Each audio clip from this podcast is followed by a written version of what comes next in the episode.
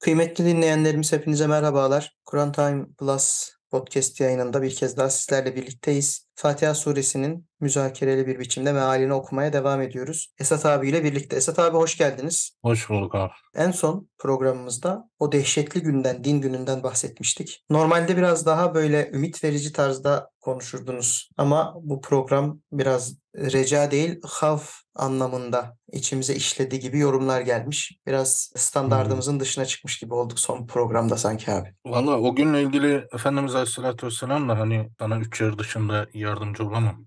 Şey sana üç yerde yardımcı olamam buyuruyor ya hani. Hazreti Ayşe'ye değil mi?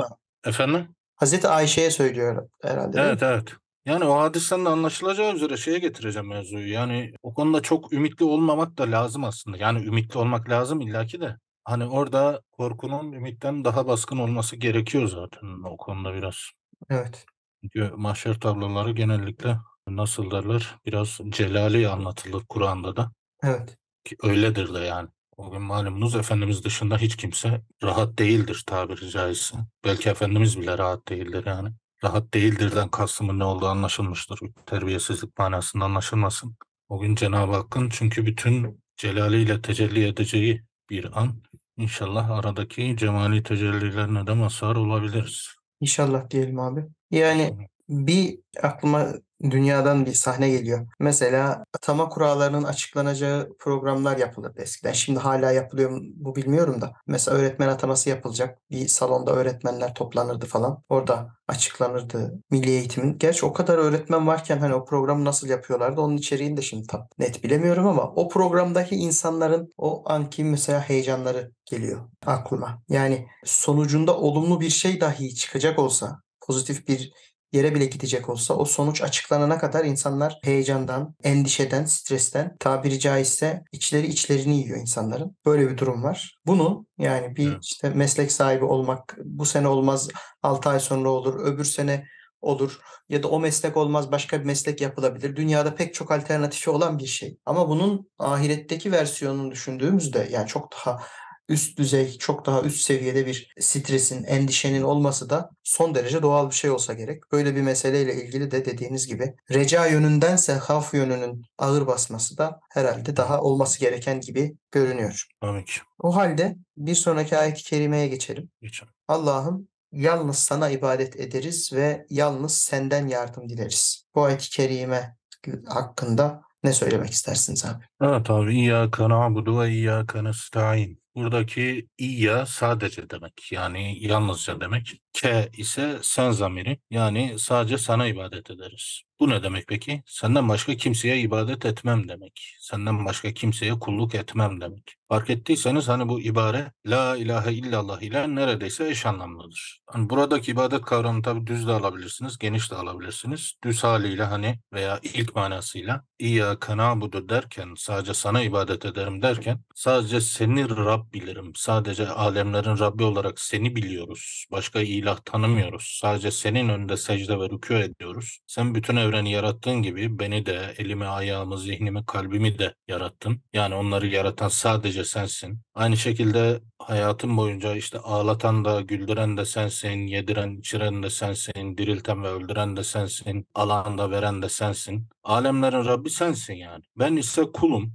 Senin karşında seni alemlerin Rabbi, Rahman ve Rahim, hani din gününün maliki olarak biliyorum ve öyle inanıyorum. Ve senin izal buyurduğun bu sureyi, bu ayetleri okumakla bu imanımı sana izhar ediyorum, açıklıyorum, kulluğumu sana sunuyorum, kabul eyle gibi bir mana. İşte bu nabudunun ikinci manası bildiğimiz manada yani genel bilinen manada ibadet ederiz. Yani namaz kılarız, oruç tutarız, zekat veririz, hacca gideriz, tebliğde bulunuruz. Senin dinini ayakta tutmak için hem kendi nefsimizle mücadele ederiz hem gördüğümüz münkerleri izale etmeye çalışırız. Hem marufu yani senin razı olduğun şeyleri hem kendi hayatımıza hem elimizin işte uzandığı kadarıyla çevremizdeki hayatımıza, toplumsal hayatımıza hakim kılmaya çalışırız. Yani tebliğde bulunuruz veya tebliğde bulunanlara yardım ederiz vesaire. Bir alt manası da şöyle görülebilir. Hani biz kuluz. Yani dünyaya boşuna gönderilmedik. Her şeyin arkasında bir irade, bir bilinç olduğu gibi yani bizim doğumumuzda doğmamızın takdir edilmesinde de bir irade, bir bilinç var. Başıboş değiliz. Kafamıza göre yaşayamayız. Bizi bir yaratan var. Bir gün doğduğumuz gibi bir gün kabre de gireceğiz. O halde doğumumuzla ölümümüz arasındaki süreçte bizden beklenen bir şeyler var manalarını anlamak mümkün. Bununla birlikte tabii ki hani İyyâke na'budu ve İyyâke nesta'in 3 4. ayeti Fatiha'nın Besmele'den sonra Besmele'yi de sayarsak 5. ayeti. O her ayeti bir aşama olarak düşündüğümüzde burada belli bir aşamaya gelmiş oluyoruz. Yani Bismillahirrahmanirrahim Elhamdülillahi Rabbil Alemin Rahmanirrahim Maliki Yevmiddin. İşte Rahman ve Rahim Allah'ın adıyla. Hamd alemlerin Rabbi Allah'a mahsustur. Başka hiç kimseye mahsus değildir. Çünkü o Rahman ve Rahim'dir. Din gününün de malikidir dedikten sonra bütün bunları ikrar ettikten sonra adeta Cenab-ı Hakk'ın artık birebir huzuruna gelmiş gibi oluyoruz yani. Sanki surenin oraya kadar olan kısmı bize Cenab-ı Hakk'ın karşısına çıkmaya hazırladı. İşte o hazırlıktan sonra da biz onun huzuruna çıkarak kulluğumuzu takdim etmek istiyoruz ve işte İyyâke na'budu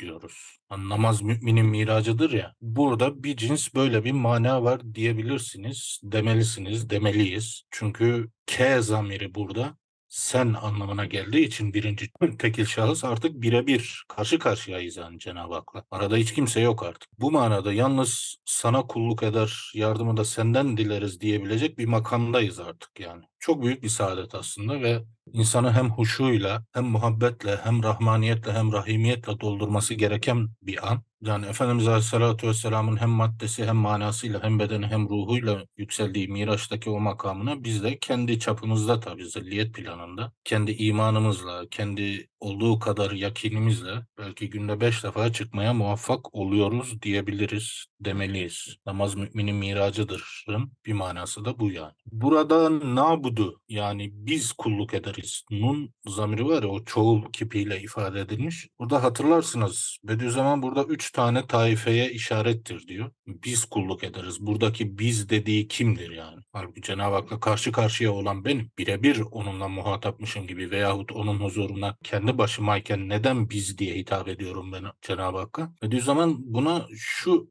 açıklamaya getiriyor. Diyor ki burada üç tane taife var. Birincisi insanın vücudundaki bütün aza ve zerrata racidir diyor. Yani insanın bütün hücreleri ve organları biz derken bunu kastediyor insan. Bunu demekle de şükrü örfi yani genel manada bilinen şükrü eda etmiş oluyoruz aslında. İkincisi bütün ehli tevhidin yani müminlerin cemaatlerine aittir. Yani ben o cemaatlerin içinde kendi bireyselliğimle bulunuyorum. Fakat yine o cemaatin yani bütün ehli mümin ve müminatın bir ferdi olarak bulunuyorum. Bu cihette de şerata yani Cenab-ı Hakk'ın Efendimiz Aleyhisselatü Vesselam aracılığıyla bildirdikleri emir ve nehirleri itaat etmiş oluyorum. Yani bunu ifade etmiş oluyorum. Üçüncüsü de kainatın ihtiva ettiği mevcudata işarettir diyor. Yani kainattaki bütün varlıklar artık atomlardan galaksilere kadar bütün varlıklara işarettir. Bu itibarla da hani o büyük fıtri şeriata tabi olmayı ifade ile beraber hani hayret ve muhabbet hisleriyle Cenab-ı Hakk'ın kudret ve azametinin arşı altında secde edip bir kullukta bulunmuş oluyoruz. Bu da hani çokluk içinde birlik veyahut işte o cemiyet içindeki fert,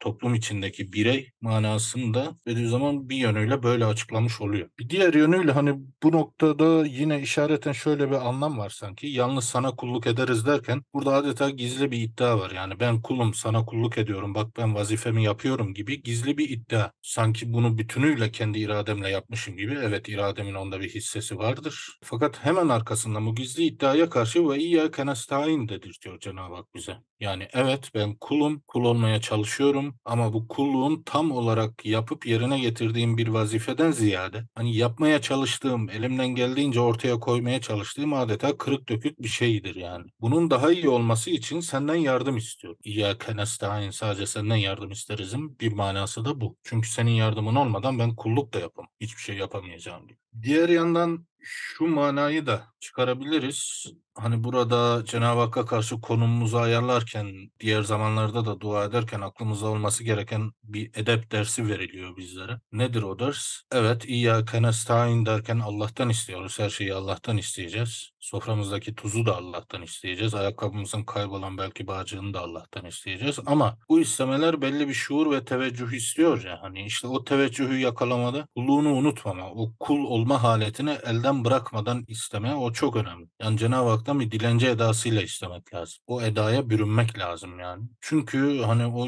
yöneldiğin zat alemlerin Rabbi olan zat yani. O hiçbir şeye mecbur değil. Yani sen duana icabet etmek zorunda da değil aslında fakat tamamen lütfundan dua edin icabet edeyim buyurmuş. Yani onun kendi zatı için vacip kıldığı şeyler dışında Cenab-ı Hak hiçbir şeyle bağlı değil, hiçbir şeye mecbur değil. Böyle bir zat karşısında, onun karşısında evet biz bir hiçiz yani. Sadece bir kuluz ve kul olmaya çalışan bir kuluz yani. Zaten hani o büyük zatların dualarına bakarsanız işte dua ederken o adamlar öyle paldır küldür dua etmiyorlar yani. Önce bir hamd, sonra bir salatü selam, sonra bir istiğfar. Ama o hamdde de, o salatü selamda da, o istiğfarda da öyle derinlikler var ki. Sonra bunlardan sonra hani bir çeşit iç dökme var. O kulluğunu ishar etme gibi bir halet görürsünüz o dualarda. O duaların ortak noktalarından birisi de budur yani. Öyle yalvaranın, dua edenin böyle kendisini bir hiç olarak görmesi. Kulluğunu ve günahlarını, o ezikliğini tabiri caizse, o sefilliğini, o zatlar için bizim böyle dememiz katiyen uygun değil. Fakat o zatlar kendilerini öyle tanımladıkları Cenab-ı Hakk'ın karşısında bakın öyle tanımladıkları için öyle diyoruz ve kendi nefsimize raci olarak söylüyoruz bunu. Yani zaten dua ettiği zatı yücelttikçe yüceltmesi ancak öncelikle kendi kulluklarını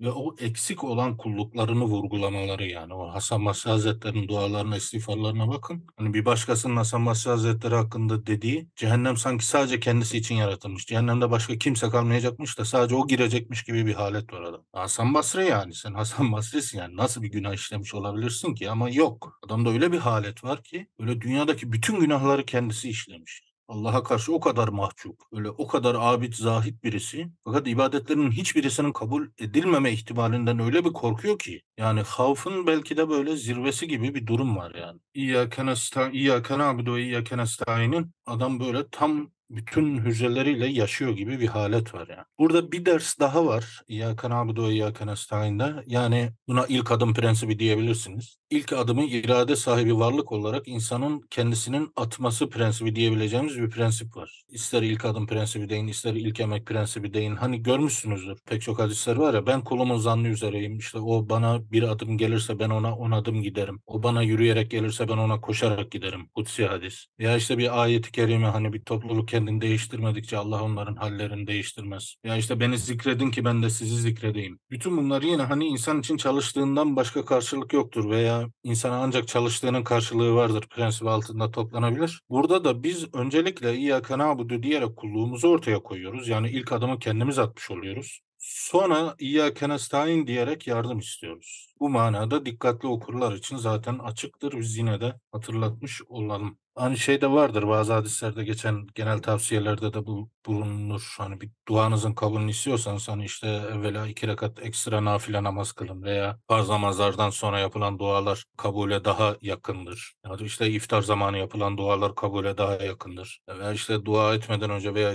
tövbe istiğfar etmeden önce bir sadaka verin, bir şeyler yapın. İşte elbisenizin temizliğine, bedeninizin temizliğine dikkat edin vesaire. Ondan sonra Allah'tan istediğinizi öyle isteyin gibi. Bunlar şarttır diye söylemiyoruz. Fakat bunlar edeptir yani. Fakat bir tarafıyla biz Allah'tan, Allah tarafından yaratıldığımız için hani tabiri caizse bir çocuk ne yaparsa yapsın annesinin gözünde onun çocuğudur ya. Yani annesinden dayak yese de bir çocuk böyle gider yine annesine sığınır yani. Başka sığınacağı kimse yok ki yani. Biz de o manada Cenab-ı Hakk'ın karşısında bir namazda bulunduğumuz veya o anlam çerçevesinde sırf o yüzden Allah Teala ile bir irtibatımız var. Biz onun kuluyuz. Hakikatte onun yarattığı basit, aciz, fakir cisimleriz. Ve Cenab-ı Hak da zaten son derece kudretli ve cömert olduğu için istediğimizi yine ondan isteyeceğiz. Bu ayrı meseledir. Fakat imtihan dünyasında hani insan bir hedefe odaklanmışsa, bir şeyler istiyorsa, belli bir sonuca ulaşmak istiyorsa, hani bu sebepler ve kanunlar çerçevesinde önce kendisinin bir şeyler yapması gerektiğini unutmamalı insan. Bu ayet de bir yönüyle önce İyyâke nâbudu sonra İyyâke nestaîn demekle bu hakikati bir yönüyle ders vermiş oluyor diyebiliriz. Evet, evet. Esat abi çok teşekkür ediyoruz. Böylelikle bugün de Fatiha suresinin 5. ayet-i kerimesini hep birlikte işlemiş olduk diyelim. Bir sonraki programda Fatiha suresini bitirmeyi planlıyoruz inşallah. Sonra da yeni bir sureyle devam etme niyetindeyiz. Açıklamalarınız için Esat abi size çok teşekkür ediyoruz. Bizi dinleyen, vaktini ayıran dinleyicilerimize de ayrıca teşekkür ediyoruz. Allah'a emanet olun. Görüşmek üzere. Eyvallah.